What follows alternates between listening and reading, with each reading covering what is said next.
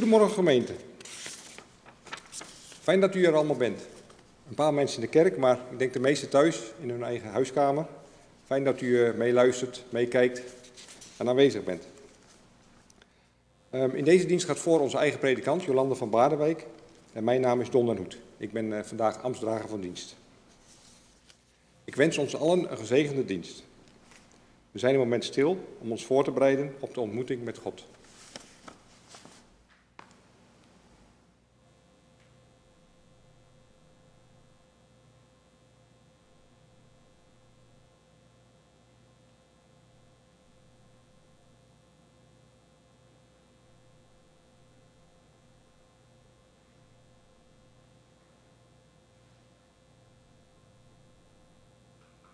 Ons openingslied van deze morgen is 2016. Eh, Dit is een morgen als ooit de eerste.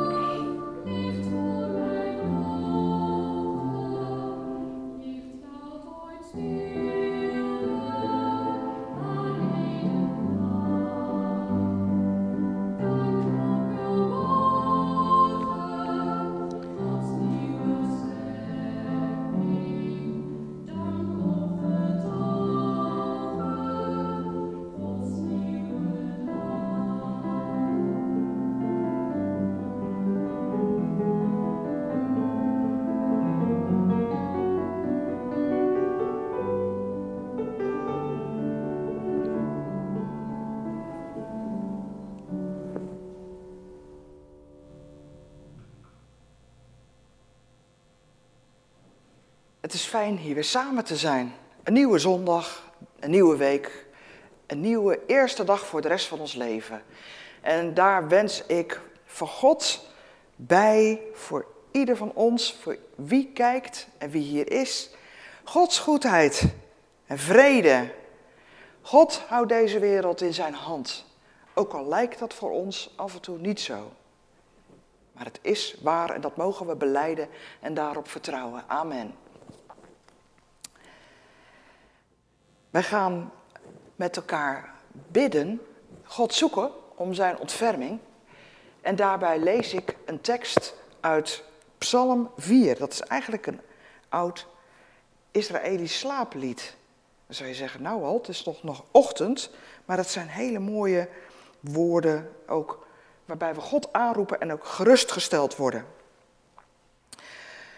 Verhoor mij als ik roep tot u gebieder van gerechtigheid. Ach, geef mij adem in de nacht en maak me van beklemming vrij. Waar is de trots die ik ooit had? Ik joeg op leegte en op dood. Nu moet ik zoeken naar mijn Heer, zoals een kind naar moeders schoot. Ontsluit de poorten van je geest. Spreek in de stilte van je hart. Leg je vertrouwen in Gods hand en alle offers die je bracht. Zoveel zochten naar geluk. God, toon uw lichtende gelaat. U brengt meer vreugde in mijn hart dan oogst en wijn en overdaad. Een vrede daalt in mij meteen. En ik val waar ik lig in slaap. U geeft mij in de nacht een huis dat van vertrouwen eeuwig staat. Zo baden wij om Gods rust, om Zijn plekje voor ons, waarbij we altijd even mogen vluchten naar Hem, even op schoot kruipen en tot rust, tot stilte komen. Dat is het begin van deze dienst, natuurlijk ook prachtig. We luisteren naar de vertolking van Elise Manna, die dit lied zingt.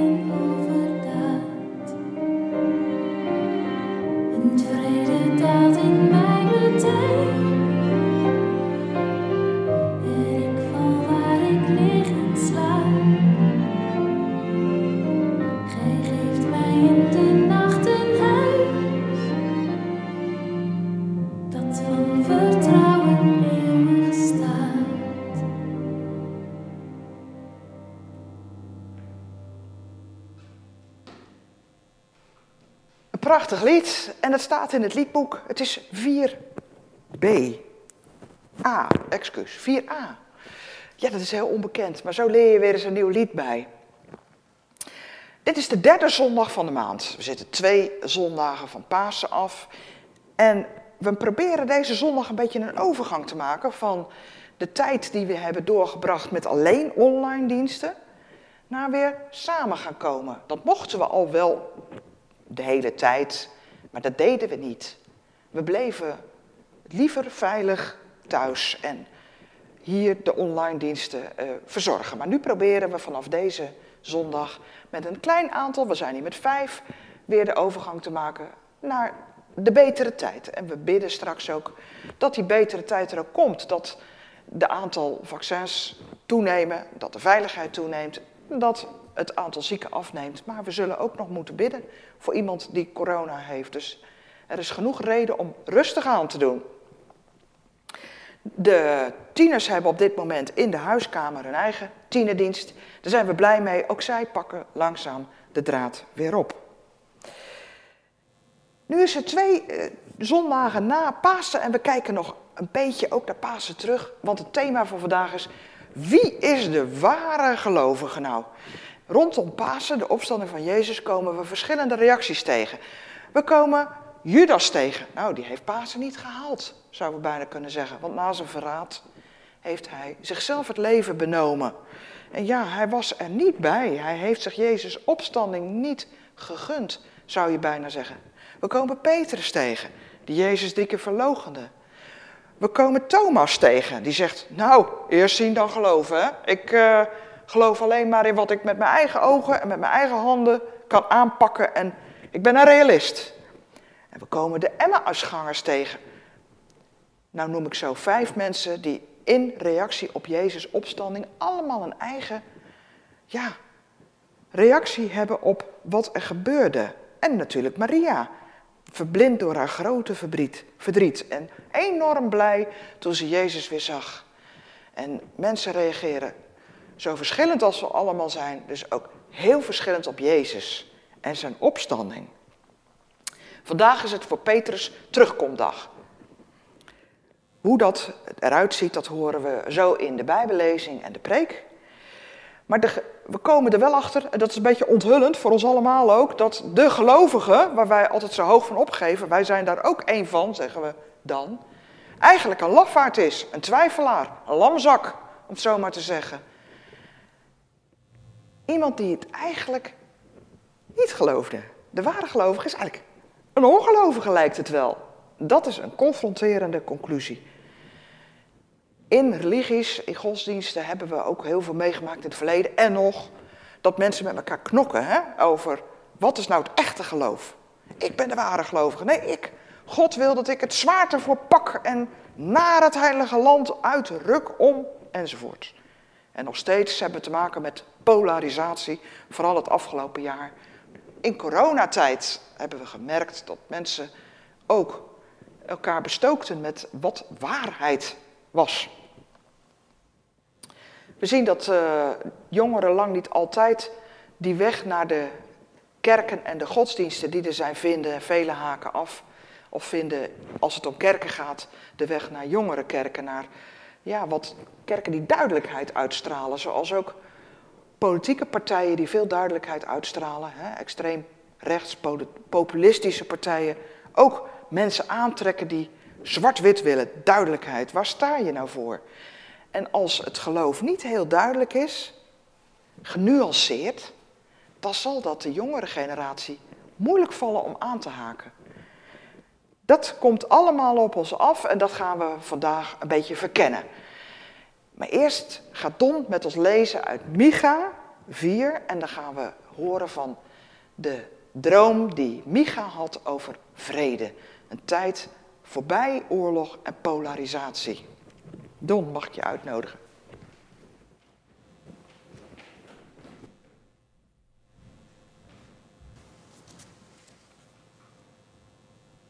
Micha 4, de vers 1 tot en met 5.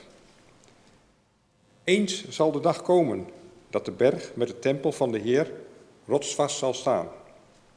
Verheven boven de heuvels, hoger dan alle bergen. Volken zullen daar samenstromen. Machtige naties zullen zeggen: Laten we optrekken naar de berg van de Heer, naar de tempel van Jacobs God. Hij zal ons onderrichten, ons de weg wijzen. En wij zullen zijn paden bewandelen. Vanaf de Sion klinkt zijn onderricht. Vanaf Jeruzalem spreekt de Heer.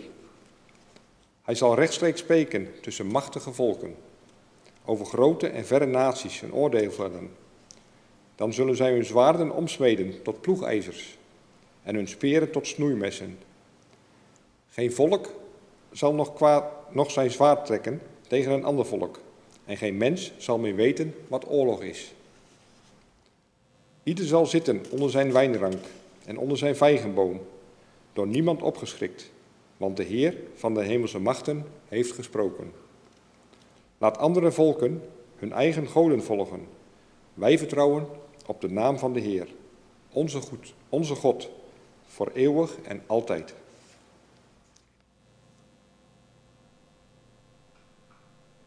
We gaan nu luisteren naar het uh, lied 296 van liedbundel Hemelhoog, Down by the Riverside. I'm gonna lay down my burden. Down by the riverside, down by that river, down by that riverside. Gonna lay down my burden down by that riverside. Study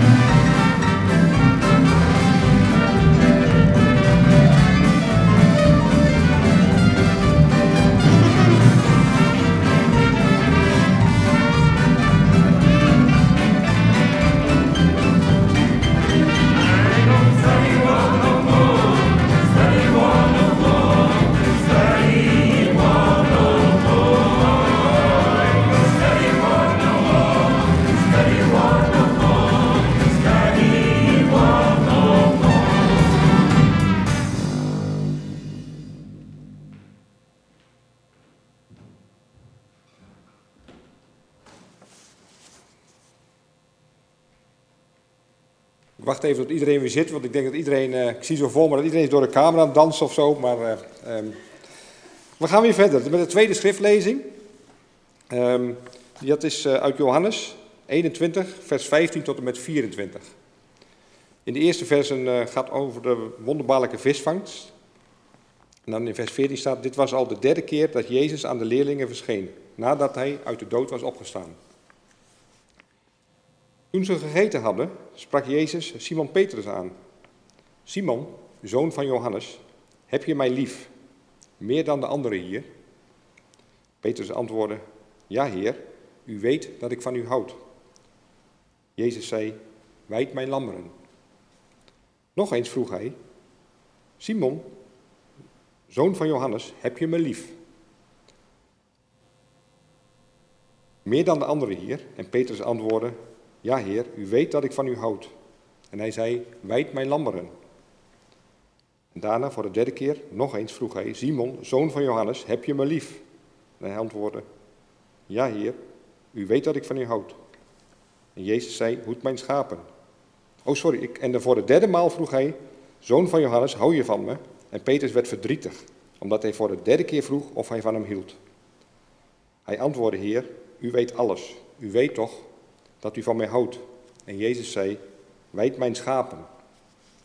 Waarachtig, ik verzeker je, toen je nog jong was, deed je zelf je gordel om en ging je waarheen je wilde. Maar wanneer je oud wordt, zal een ander je handen grijpen, je je gordel omdoen en je brengen waar je niet naartoe wilt. Met deze woorden duidde hij aan hoe Petrus zou sterven tot eer van God. Daarna zei hij, volg mij. Toen Petrus zich omdraaide, zag hij de leerling van wie Jezus hield, hem volgen, hem volgde. En de leerling die zich tijdens de maaltijd naar Jezus toegebogen had om te vragen wie het was die hem zou verraden. Toen Petrus hem zag, vroeg hij Jezus, en wat gebeurt er met hem, Heer? Maar Jezus antwoordde, het is, het is niet jouw zaak of hij in leven blijft totdat ik kom, maar jij moet mij volgen.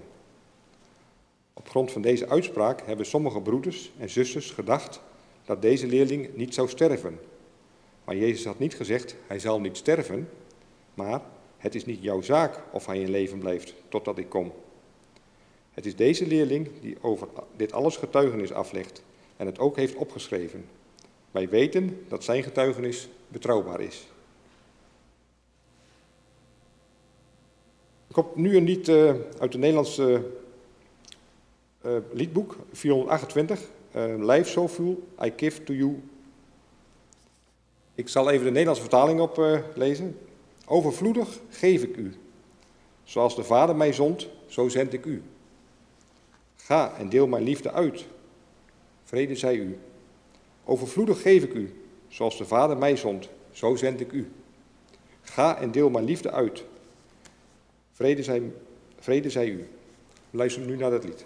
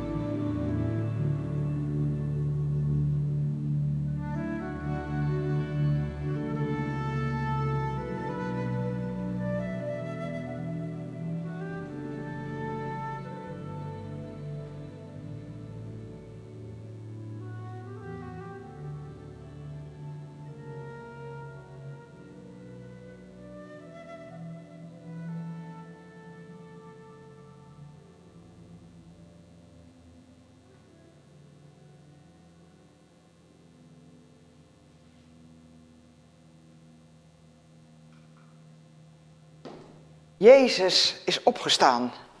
Dat lazen we in Johannes 20 en dat vierden we met Pasen. Jezus liet zich het eerst aan Maria Magdalena zien en een andere vrouw. En daarna aan Petrus en Johannes, een paar leerlingen die bij hem waren diezelfde avond van die paasdag, opstandingsdag. Thomas was daar niet bij, hebben we gelezen. Hij was afgehaakt, daar preekte Johan Lotteman vorige week over. Judas was dood. Want hij had zich na zijn verraad van Jezus opgehangen. En Jezus kwam nog terug voor Thomas, een week later in datzelfde huis. Waar hij die dag van zijn opstanding ook al samen was geweest met zijn leerlingen. Speciaal voor Thomas kwam hij terug, zelfs voor één. Maar uiteindelijk maakt Jezus de cirkel van zijn leven op aarde rond. Hij bracht zijn jeugd en zijn, zijn vroege volwassen jaren door aan het meer van Galilea vanuit Nazareth. En daar vond hij ook zijn eerste leerlingen. Petrus en zijn broer, Andreas, Johannes en Jacobus. En tegen Maria zei Jezus direct na zijn opstanding, ga naar mijn broeders, vertel hen dat ik naar Galilea ga. Daar bij die berg, daar waar Jezus zijn eerste onderwijs gegeven had, dat noemen we dan de bergreden, daar zou hij hen weer ontmoeten. Daar zou hij afscheid nemen van hen. Voor deze periode. Voor het gewone aardse zien van elkaar. Dat weerzien, daar gaat het verhaal van vandaag over. Dat heeft Don gelezen. Het begint met een nacht, nachtvissen. Dat schijnt de beste tijd te zijn om te gaan vissen. Mij zal je er dus niet zien. En in de mist, over dat water, zien de leerlingen als ze in de vroege ochtend terugkomen, dat daar een man op die oever staat. Het is niet duidelijk, maar wel de contouren van een man. En hij roept naar hen, heb je iets te eten voor me? Als ze geweten hadden dat het Jezus was. Nou, ik kan me voorstellen, het, lijkt mij zoiets als dat je iemand voor je ogen hebt zien verongelukken. En die staat gewoon doodleuk op en die vraagt daarna, heb je een eh, snoepje voor me? Heb je een peuk voor me? Iets, iets ongehoords, iets onvoorstelbaars. Ze herkenden hem ook niet helemaal. Ze zagen wel de omtrekken en dat hij een lantaarn in zijn hand had misschien. Een licht in de mist. Johannes had het al wel in de gaten, dat is Jezus. Ze vingen die nacht niks. En die man die, als hij dat antwoord krijgt, nee we hebben niks gevangen. Dan zegt hij, gooi dat net eens over de andere boeg. Dan zal je zien. Wacht maar af. En dan halen ze me toch een vangst binnen.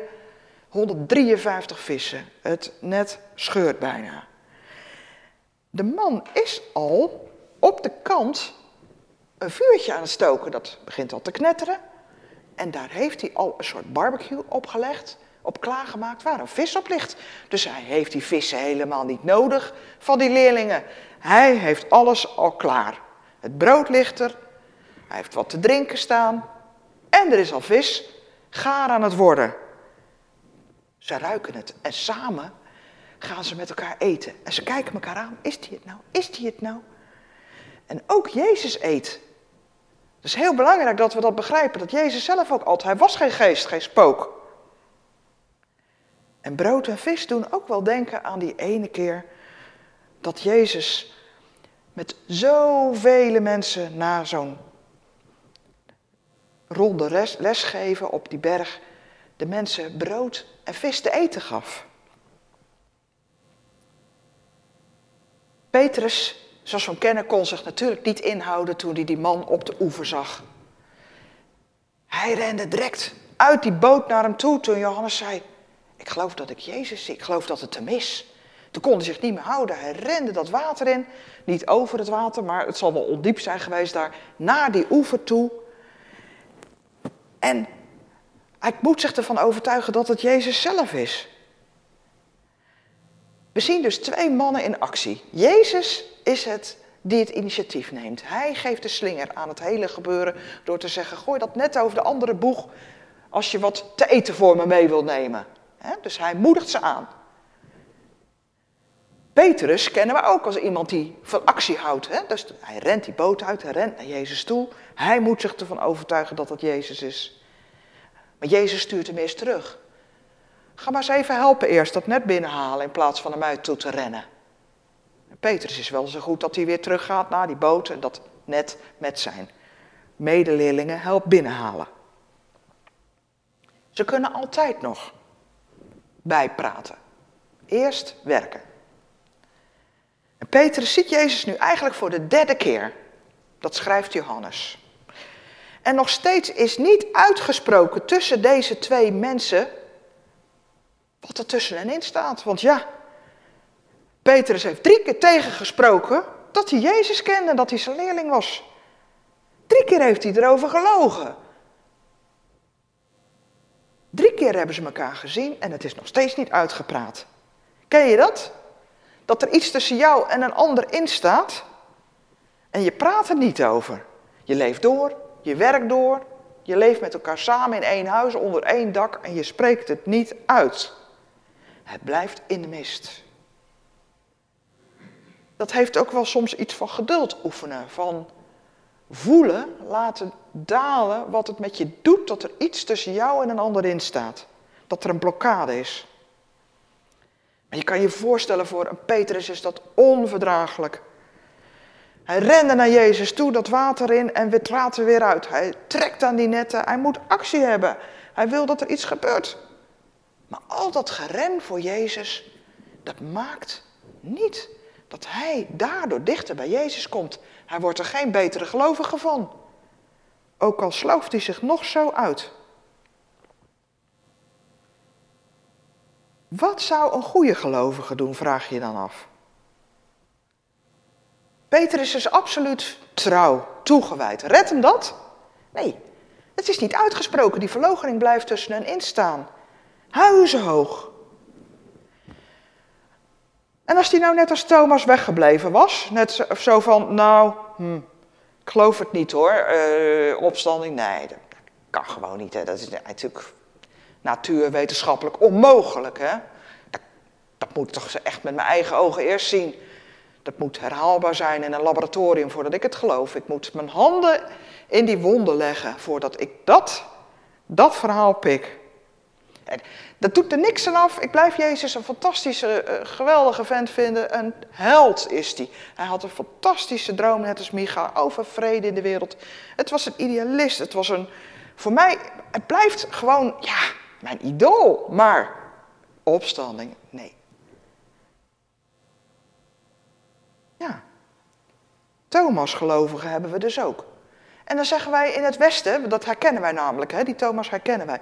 Ja, dat is ook goed. Je moet met de beide benen op de grond staan, nuchter zijn. Kom op zeg, we gaan toch niet met z'n allen achter één goeroe aanhollen. Gebruik je verstand. Dus wij vinden dat als Westelingen eigenlijk voorbeeldig, die Thomas. Hè? Dat, is, dat is een goede gelovige.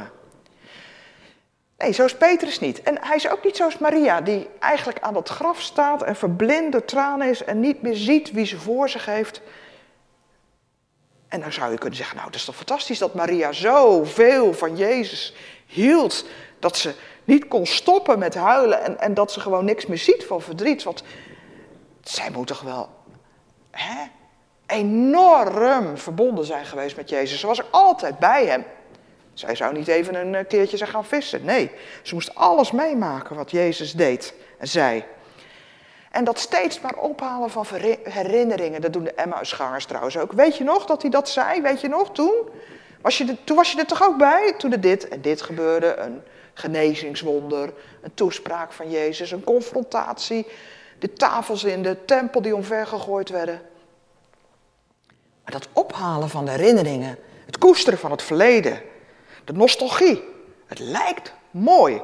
Maar als je daardoor niet in het heden kan staan en de toekomst, als je niet kan aanvaarden dat voor jouw ogen Jezus, de opgestane Heer, daar echt staat, ben je dan een goede gelovige? Wat maakt iemand nou tot een goede gelovige? Wat is de ware gelovige? Ja, daar, daar hebben Willem en ik ook eens over na zitten denken. En Willem stelde voor, weet je wat, we houden, doen een rollenspel. We, laten eens drie gelovigen zich uiten over wat voor hen het, het echt geloven is. Nou, En dat zou je dus ook drie gelovigen in de PKN kunnen noemen. We gaan er eens even naar kijken. Het is een beetje een persiflage. Dus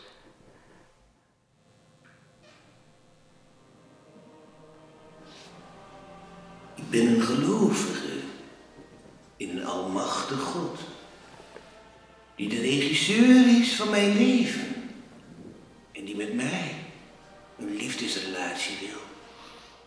Hij vraagt mij om hem te gehoorzamen. Ik geloof ook met mijn volhart dat God met het lijden een bedoeling heeft.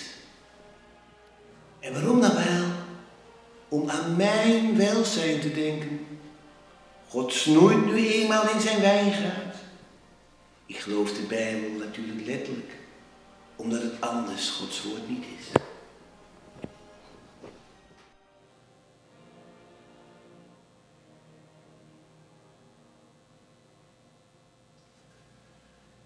Ik ben een gelovige in een Samsam-God. Ik geloof dat God het eh, samen namelijk met mij echt wel wil doen. En we hebben beide evenveel verantwoordelijkheid. En we hebben beide ook evenveel inbreng. Ik hou van hem, van haar. En ik vertrouw er ook helemaal op dat hij en zij ook van mij houdt. Het lijden in de wereld, zie ik allereerst iets dat door mensen wordt veroorzaakt. Puur shit. Gewoon, dat kan natuurlijk ook.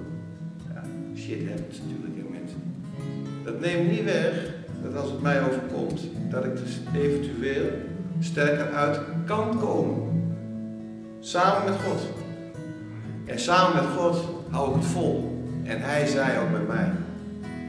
En ik geloof diep in mijn hart in de geest van de Bijbel, in de liefde.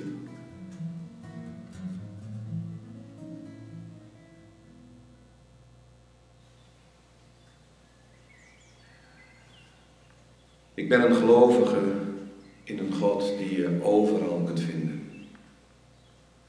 Omdat hij zich uit heeft gedeeld in de schepping. Daarna heeft hij zich teruggetrokken. Het laten zien en ontdekken van zijn liefde hangt nu helemaal van onszelf af. En dat vind ik heel fijn. Heel rustgevend. In totale onafhankelijkheid. Hoe mooi kun je het hebben. En verder kun je op verschillende manieren kijken naar het lijden in de wereld. En kun je ontdekken daardoor dat God niet alleen in het christendom te vinden is, maar ook in al die andere prachtige wereldgodsdiensten. Als wij het samen leven in de liefde met elkaar, ja, dan is er een kans hoe mooi dat God zichtbaar wordt. Ja. En van daaruit de gedachte dat naast de Bijbel natuurlijk ook in zoveel andere heilige boeken die geweldige grootheid van God die zich heeft uitgedeeld in die schitterende natuur. Met die prachtige geluiden en geuren, kabbelende beekjes. Dat daar God ook in is te vinden. Vanuit die heilige boeken ook.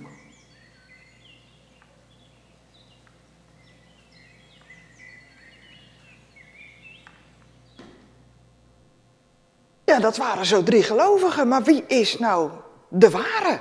Wie van de drie? Nou, die ontknoping krijgen we zo meteen. Spannend. Maar wil Jezus met ook maar iets van deze drie gelovigen of met ons iets aankunnen, dan moeten wij ook bereid zijn om ons hart aan Hem te laten zien, om ons hart open te doen voor Hem. Petrus krijgt dat moment der waarheid nu. Het is Petrus terugkomdag, zei ik al. Hij krijgt drie vragen te verduren. En Petrus wordt aangesproken vanaf nu, let op, in de tekst met Simon. Zijn erenaam Petrus, die mag hij even niet dragen. Petrus, dat betekent rots, kei. Want Jezus had gezegd, jij bent zo kei, op jou ga ik mijn kerk bouwen.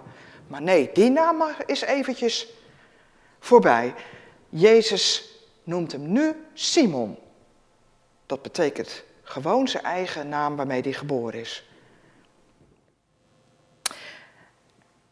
Want hij heeft zich nu eenmaal geen goede vriend voor Jezus getoond. Jezus komt niet van hem op aan toen gevraagd werd: Jij kent toch ook die Jezus? Was jij niet een leerling van hem? Toen had Petrus gezegd: Nee, ik ken die man helemaal niet. Hoe kom je erbij? Nou, zo iemand, daar kan je niet van op aan. Daar kan je niet op bouwen. Weg ermee. Dat is geen vriend. Maar Jezus vraagt hem nu: Petrus, hou jij van mij? En dan gebruikt Jezus dit woord, agape. Dat is die exclusieve liefde waarin je boven jezelf uitstijgt. Hou je van mij meer dan van alle andere mensen. Dat vult Johannes ook zo in zijn tekst aan. En dan zegt Petrus, ja heer, u weet dat ik van u houd. Maar dat houden van, van Petrus, dat is, ik ben uw vriend. Het is niet houden van als agape, maar als filio. Dus houden van zoals je op een vriend gesteld bent. Vriendschap, genegenheid ervaart. Maar dat is niet genoeg. Jezus komt nog een keer met een vraag. Jezus zegt niet het eerste antwoord is fout, want hij geeft Petrus, Simon moet ik zeggen, een opdracht. Wijd mijn lammeren.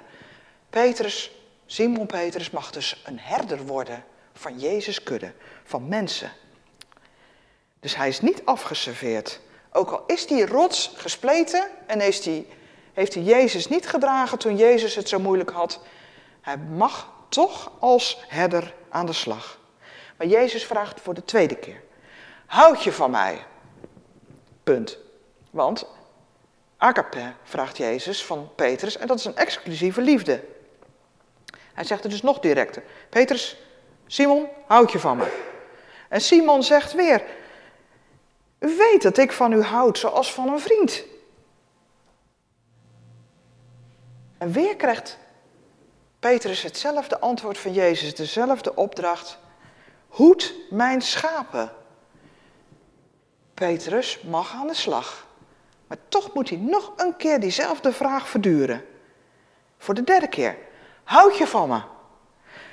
En nu vraagt Jezus de vraag, stelt Jezus de vraag op een andere manier. Hij vraagt niet, houd je van me met die exclusieve liefde, agape, maar houd je van me zoals je van een vriend houdt. Dus wat doet Jezus? Jezus past zijn spraakgebruik aan Simon Petrus aan. Als Simon Petrus niet op het niveau kan komen van Jezus, dat hij kan zeggen, ik houd van u zoals ik van niemand, niemand, niemand in deze hele wereld houd, zelfs niet van mijn vrouw en kinderen. Dan zegt Jezus, dan kom ik naar jou toe. Ik daal af naar jouw niveau. Ik wil je vriend zijn, tot jij het kan opbrengen om meer over mij te zeggen. Jezus komt dus naar Simon Petrus toe en hij laat het voorbeeld zien dat liefde, vergeving is, aanvaarding. Wat er ook gebeurd is, hoe ver iemand ook gezonken is, ook al heeft hij Jezus verlogend. Als je wilt weten wat werkelijk de liefde is van God die Jezus bedoelde, dan moet je dat 1 Korinthe 13 lezen. Dan lees je alles over de liefde van God zoals wij eigenlijk die liefde ook het liefst zouden willen kennen, maar onderling niet halen naar elkaar toe. Langmoedigheid, geduld, opofferingsgezindheid, verstoken van jaloezie. Die liefde die altijd een ander nummer 1 zet, dat halen wij onder elkaar niet. Maar dat is wel de goddelijke liefde die Jezus bedoelt. En als Simon Petrus voor de derde keer de vraag krijgt, maar nou op zijn eigen niveau, wil jij mijn vriend zijn? Dan wordt hij verdrietig, want hij denkt dat Jezus hem niet gelooft. En hij zegt, Heer, u weet toch alles? U weet toch dat ik van u houd als van een vriend? Dan denk ik, zou Simon nou ontgaan wat Jezus bedoelt? Wat Jezus nu aan het doen is. Jezus komt voor hem terug, voor die ene, zoals die ook voor Thomas terugkwam. Om hem op te halen. Denk maar aan de gelijkenis van de honderd schapen. Eén is er kwijt. De herder gaat terug om dat ene schaap op te halen. Hij haalt Simon op waar Simon achtergebleven is. En dat is, hij hangt nog in het verleden. Simon Petrus staat eigenlijk nog in die hof waar hij net heeft gezegd dat hij Jezus niet kende. Dat hij helemaal geen vriend van Jezus was, dat hij geen leerling van Jezus was. Hij zit eigenlijk nog in zijn oude zooi vast op zijn eigen gekozen, zichzelf reddende manier, want hij moest het vege lijf redden. En daar, in dat verleden, komt Jezus en daar haalt Jezus hem op. En zo laat Jezus zien wat een goede herder is. Zelfs voor één schaap terugkomen. En dat voorbeeld moet Simon Petrus hebben. Want als hij drie keer die opdracht heeft gekregen, wijd mijn schapen, hoed mijn lammeren, dan moet hij ook weten wat een echte herder doet. En dat is alles even parkeren om zelfs die ene op te halen. Zo alleen kan Petrus weer Petrus worden. Een rots die weliswaar gebroken is, gespleten, maar een herder wordt in navolging van Jezus. Dan zal hij een goede herder worden, want hij heeft Jezus leren vertrouwen. De herder die voor hem helemaal terugkomt. Brengt mij op de vraag, wie is nou die ware gelovige? Die ontknoping moesten we nog zien. Wie was de ware gelovige? De ware gelovige nu opstaan?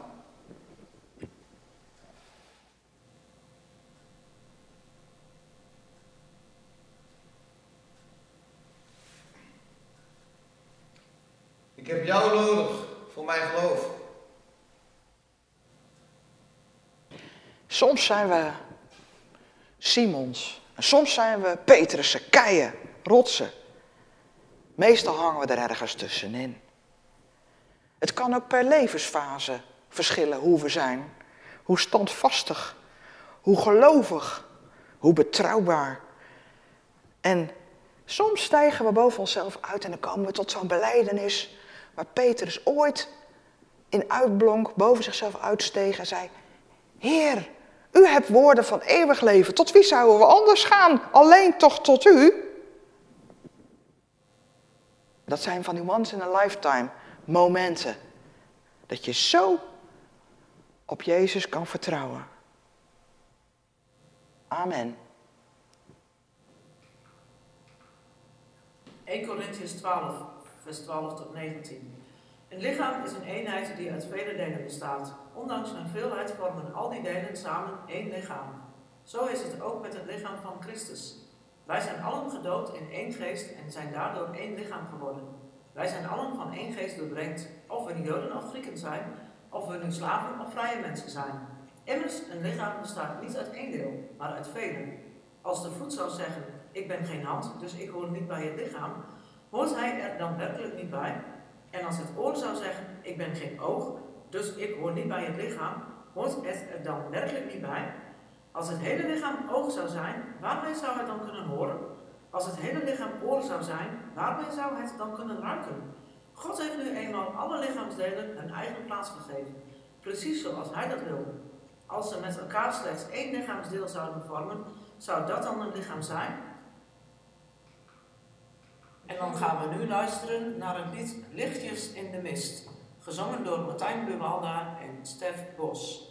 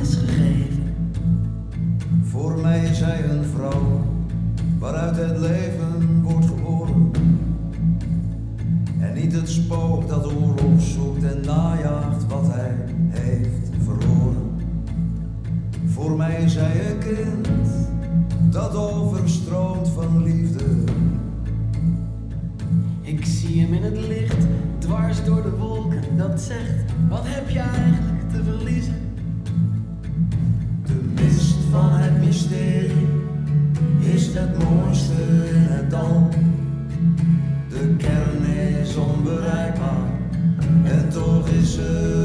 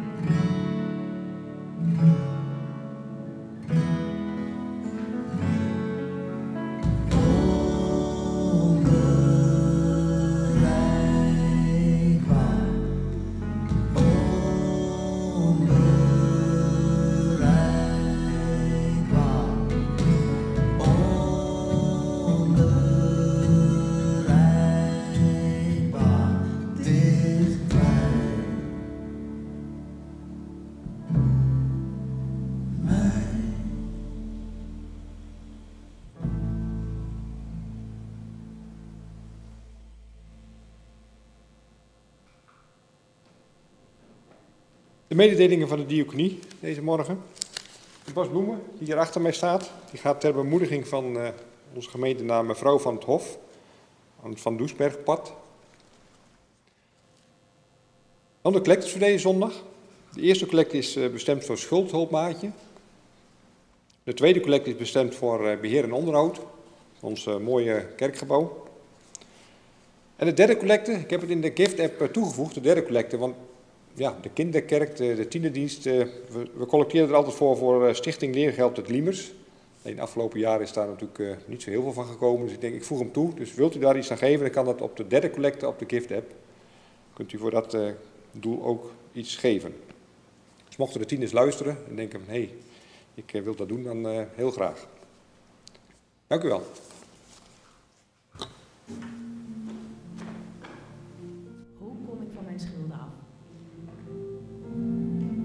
Daar piekert John elke dag over. Hij probeert van alles, maar komt geen meter vooruit. Hij schaamt zich en voelt zich moederziel alleen.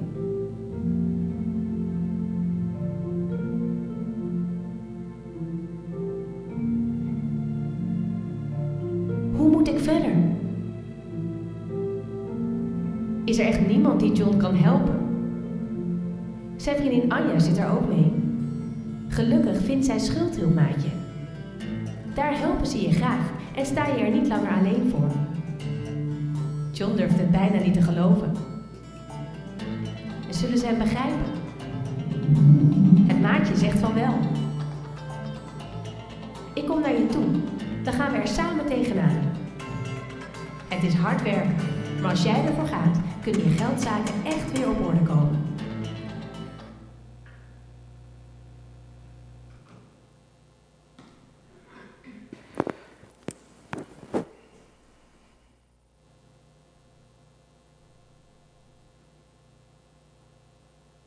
Ik eh, doe deze zondag de mededeling van het overlijden van mevrouw Martinez. Die vorige week is overleden op de leeftijd van 102 jaar. Zij woonde eh, al een tijd in eh Tuvine. En haar kinderen woonden hier in, in Duiven. En dat is de familie Rauhorst. Ze is begraven en de dienst is geleid door Willem Lindeman. Ook is afgelopen dinsdagochtend Frits Bruiningen overleden. De vader van eh, Lianne van Laar, zoals we haar hier ook kennen. En de opa van Mirjam. eh, de schoonvader van Geo dus. En hij wordt morgenmiddag begraven hier vanuit de kapel. Wij zullen straks in ons gebed ook voor de families die achterblijven bidden. Eerst zullen we luisteren naar het lied Niemand leeft voor zichzelf. Niemand leeft voor zichzelf. Niemand sterft voor zichzelf. Wij leven en sterven voor God, onze Heer. Aan Hem behoren wij toe.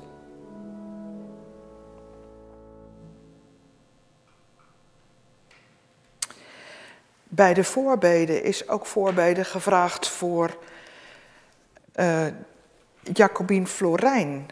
Nu zullen we niet allemaal meer ons misschien haar direct herinneren, maar zij is lang lid geweest van onze gemeente, verhuisd naar Friesland.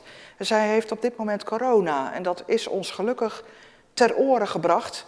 En ze is opgenomen in het ziekenhuis. Ze ligt niet op de intensive care. Ze heeft wel zuurstof, maar we zullen voor haar bidden dat het hier ook bij mag blijven en dat zij volledig mag herstellen. Behalve dit gebed willen we ook dankgebeden aan God brengen, namelijk voor Wim van Dam, die een goede uitslag heeft gehad in het ziekenhuis. En daar eigenlijk, uh, ja, daar mag je ook best spreken van een wonder, uh, God heel wonderlijk dankbaar voor is dat het zo mag zijn op dit moment. En ook voor Amadee van Langeveld, die afgelopen vrijdag is geopereerd. Wij zullen God bidden en danken. Lieve, goede God, trouwe Vader, wij mochten u tegenkomen vanochtend in de gelezen Bijbelstukken. Als een God die uit is op vrede en op verzoening met ons. Die zelfs als we nog helemaal vastzitten in het verleden of in onze ja, blokkades, toch voor ons terug wil komen. Zoals voor Thomas, die zei, ik kan pas geloven als ik de, mijn handen in zijn wonden leg en als ik hem zelf zie, dat hij echt waar is opgestaan. Of zoals Petrus, die drie keer Jezus verlogende. En toch komt u terug voor elk van ons en wilt u ons de vraag stellen, wil je je hart openen voor mij? Heb je mij lief boven alle anderen? En als we dat nog niet kunnen opbrengen, wil je mij dan als vriend aannemen en met mij je leven leiden? Heer, we willen u vragen of u ons wil optillen vanaf het niveau waar wij zitten, want wij komen uit onszelf niet verder. Wij kunnen ons niet aan onze eigen haren uit ons moeras trekken. Wilt u ons komen ophalen, waar we ook zitten? Dan mogen we bij u zijn, zoals een kind op schoot bij vader of moeder. Thuis. Rust kennen, vrede. Heer, wij bidden u deze zondag in het bijzonder voor de mensen die verdriet hebben en rouw, omdat hen iemand ontvallen is van wie ze veel hielden. Mevrouw Martinez, Frits Bruiningen. Ze wordt er zeer gemist. Vader, wilt u de families troosten en laten merken dat u er bent. Dat u hen draagt in deze tijd van leegte, gemis en verdriet. We bidden u ook voor Jacobien Florijn, die nu in Friesland woont en daar in het ziekenhuis ligt. Wilt u haar herstellen van de corona? Wilt u de artsen zegenen die haar zuurstof toedienen? Wilt u geven dat het zo succesvol mag zijn dat ze niet op de intensive care hoeft te komen? Wilt u haar genezen en herstellen en een God van dichtbij voor haar zijn? En laten merken dat wij als gemeente nog steeds met haar verbonden zijn. We danken u dat u Wim van Dam een goede uitslag gaf deze week in het ziekenhuis. Dat hij stabiel is. Dat het goed gaat naar omstandigheden.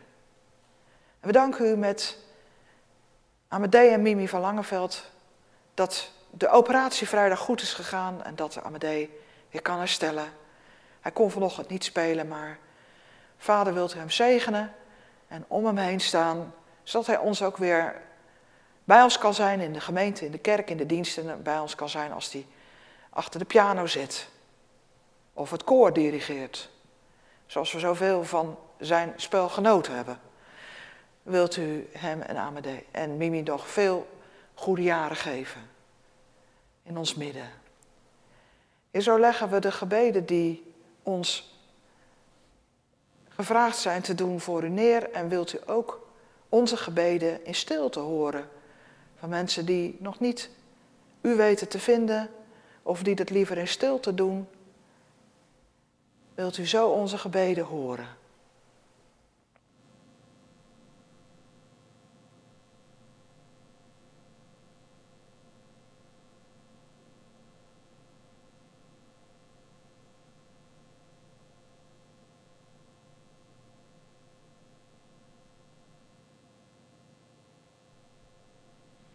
Samen verbonden in uw Zoon Jezus Christus bidden wij, onze Vader in de hemel.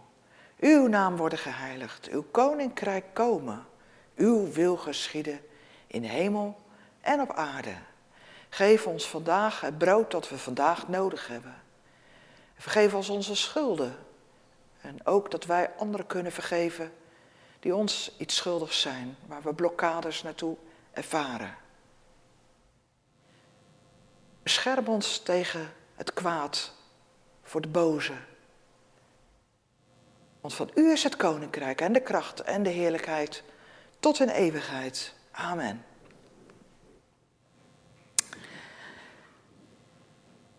We luisteren naar slotlied Vrede zij u. En thuis kan je dat volop meezingen.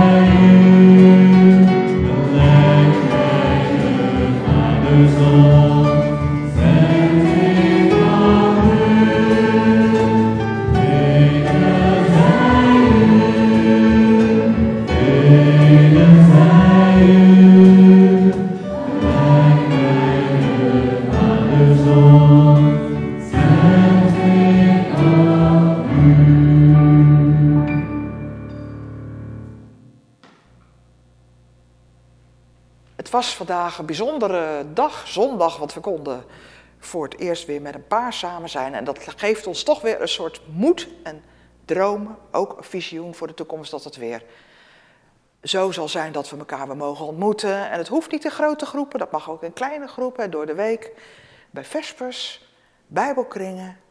Maar dat we elkaar weer kunnen zien en elkaar bemoedigen, aanmoedigen. En zo mag ik ook de zegen meegeven voor deze komende week. God de eeuwige zegene je, bescherme je en doe zijn lichtend, stralend gezicht over je opgaan en schijnen als de zon en geef je vrede. Amen.